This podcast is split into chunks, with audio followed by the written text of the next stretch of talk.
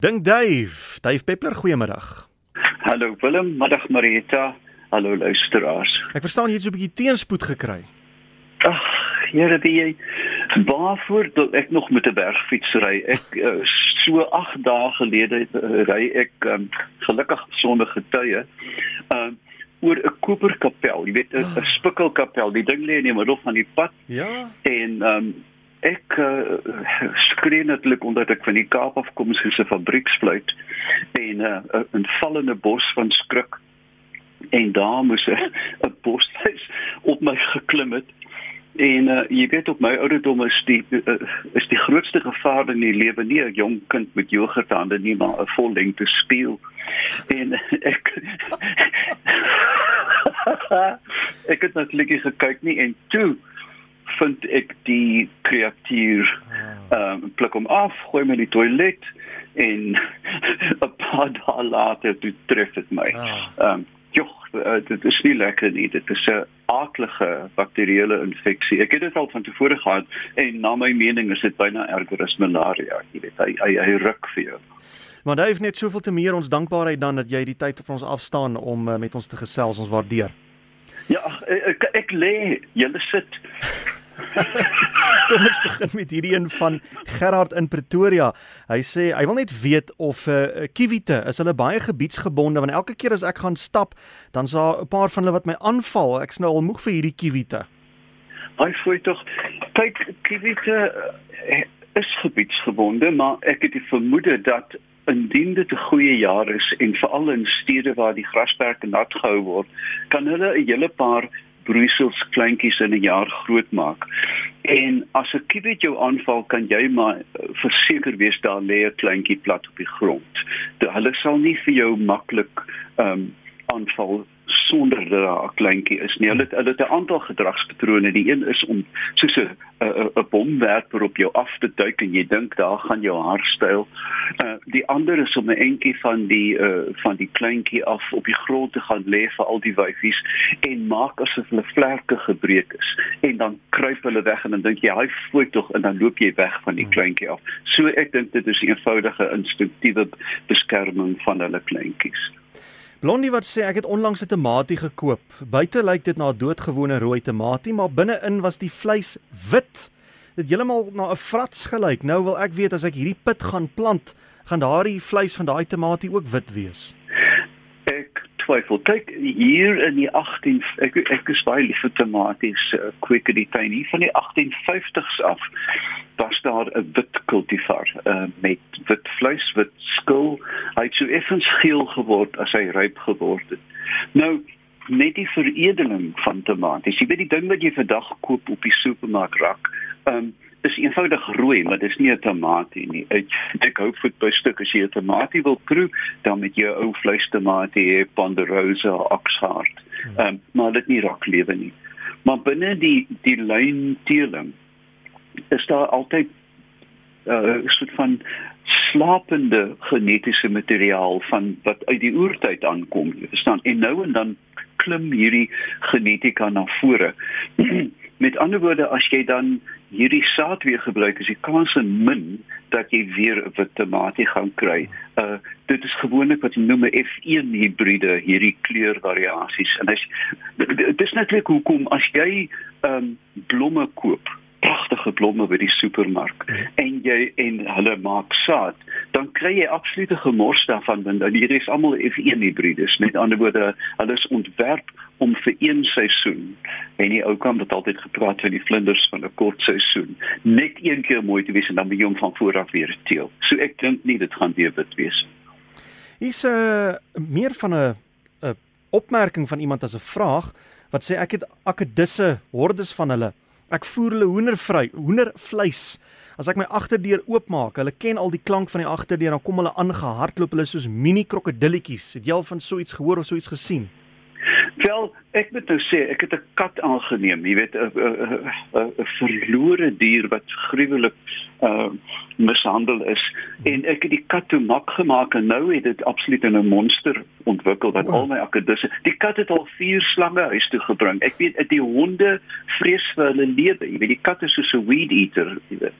Maar ehm um, Ja, akedisse kan baie baie mak word.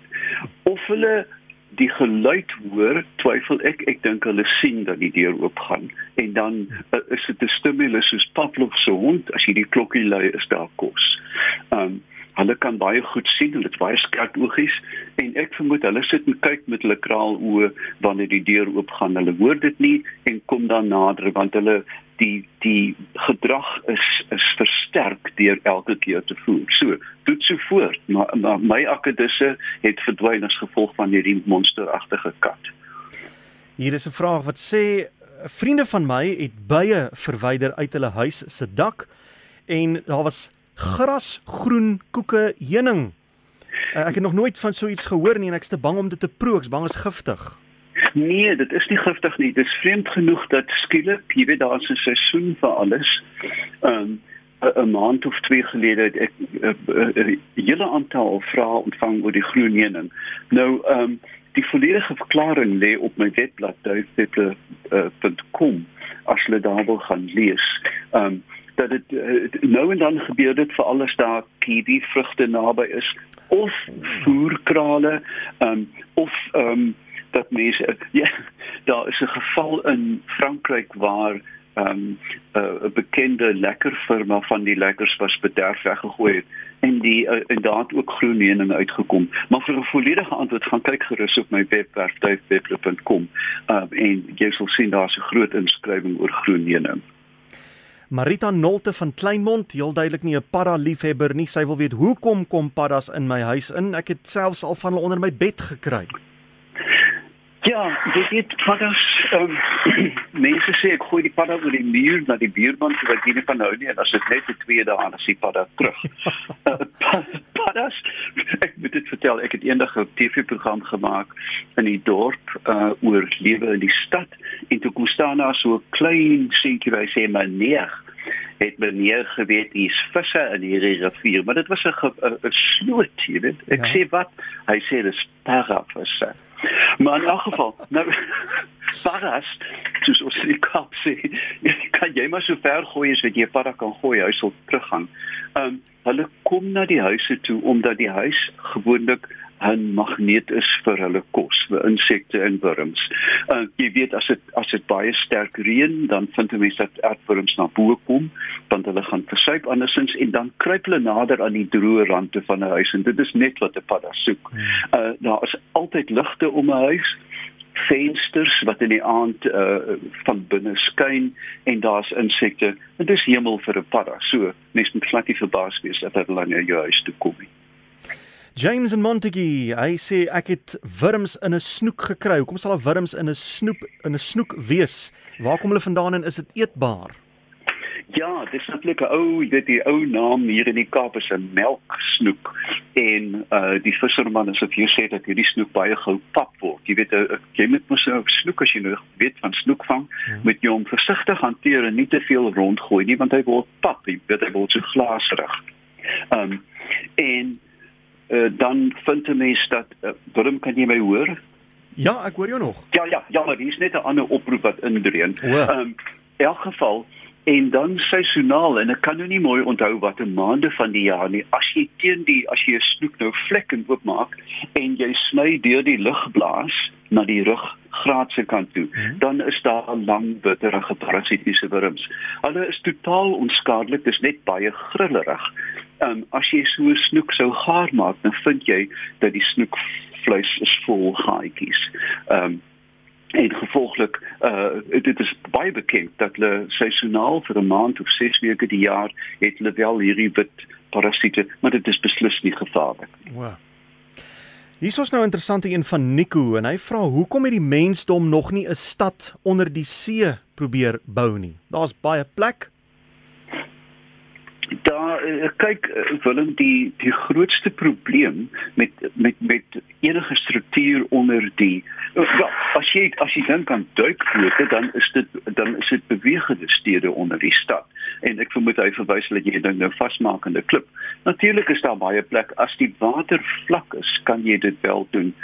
Maar die lugdruk um, op op normaalweg jy weet as jy duik kom daar wesenlike probleme met strukturele integriteit van 'n gebou wat jy onder die water. Jy moet onsaglik, jy weet as jy kyk na aquaria wat uh as jy kyk na die two oceans in hmm. Kaapstad nou die uh, tanks wat jy nou van die kant kan ek skaars 4 of 5 meter hoog die glas is etlike sentimeter stuk, jy weet net om die druk te weerstaan. Hmm. Met ander woorde, dit is dit is 'n oorweging as jy as 'n mens titaan goedkoop kan kan vorm, kan jy dit doen, maar op die oomblik het ons nog genoeg plek op die land en ek dink dat uh, in 'n stadium as dit regtig verkeerd loop sal ons die ingenieurs van kan ontwerp om dit te doen. Dit is nie onmoontlik nie, dit is net baie moeilik om so 'n ding in stand te hou. En seker dit gaan verskriklik duur ook wees, soos jy heeltemal nie moet te werd in die stadium nie. Ja, ek weet nou van 'n restaurant in Noorwe wat so teen 'n helling in 'n fjord ingebou is. Maar die ingenieurs vind jy weet, jy moet jy kan nou dink as jy nou dak opsit op land, jy weet, dink daaraan as jy dit onder water doen, elke hmm timmerman, elke loodgieter sal in 'n duikpak moet wees. Uh, so dit is regtig eenvoudige ingenieursbeperking. Nou ja, daar die, die tyd ons ingehaal. Dave, baie dankie vir jou tyd. Jy moet vinnig gesond word en uh, laat die mense daai webwerf van jou besoek, davepeppler.com. Ja, vir groen ding om mee te begin. Dan maak ons volgende week weer so. Tot dan.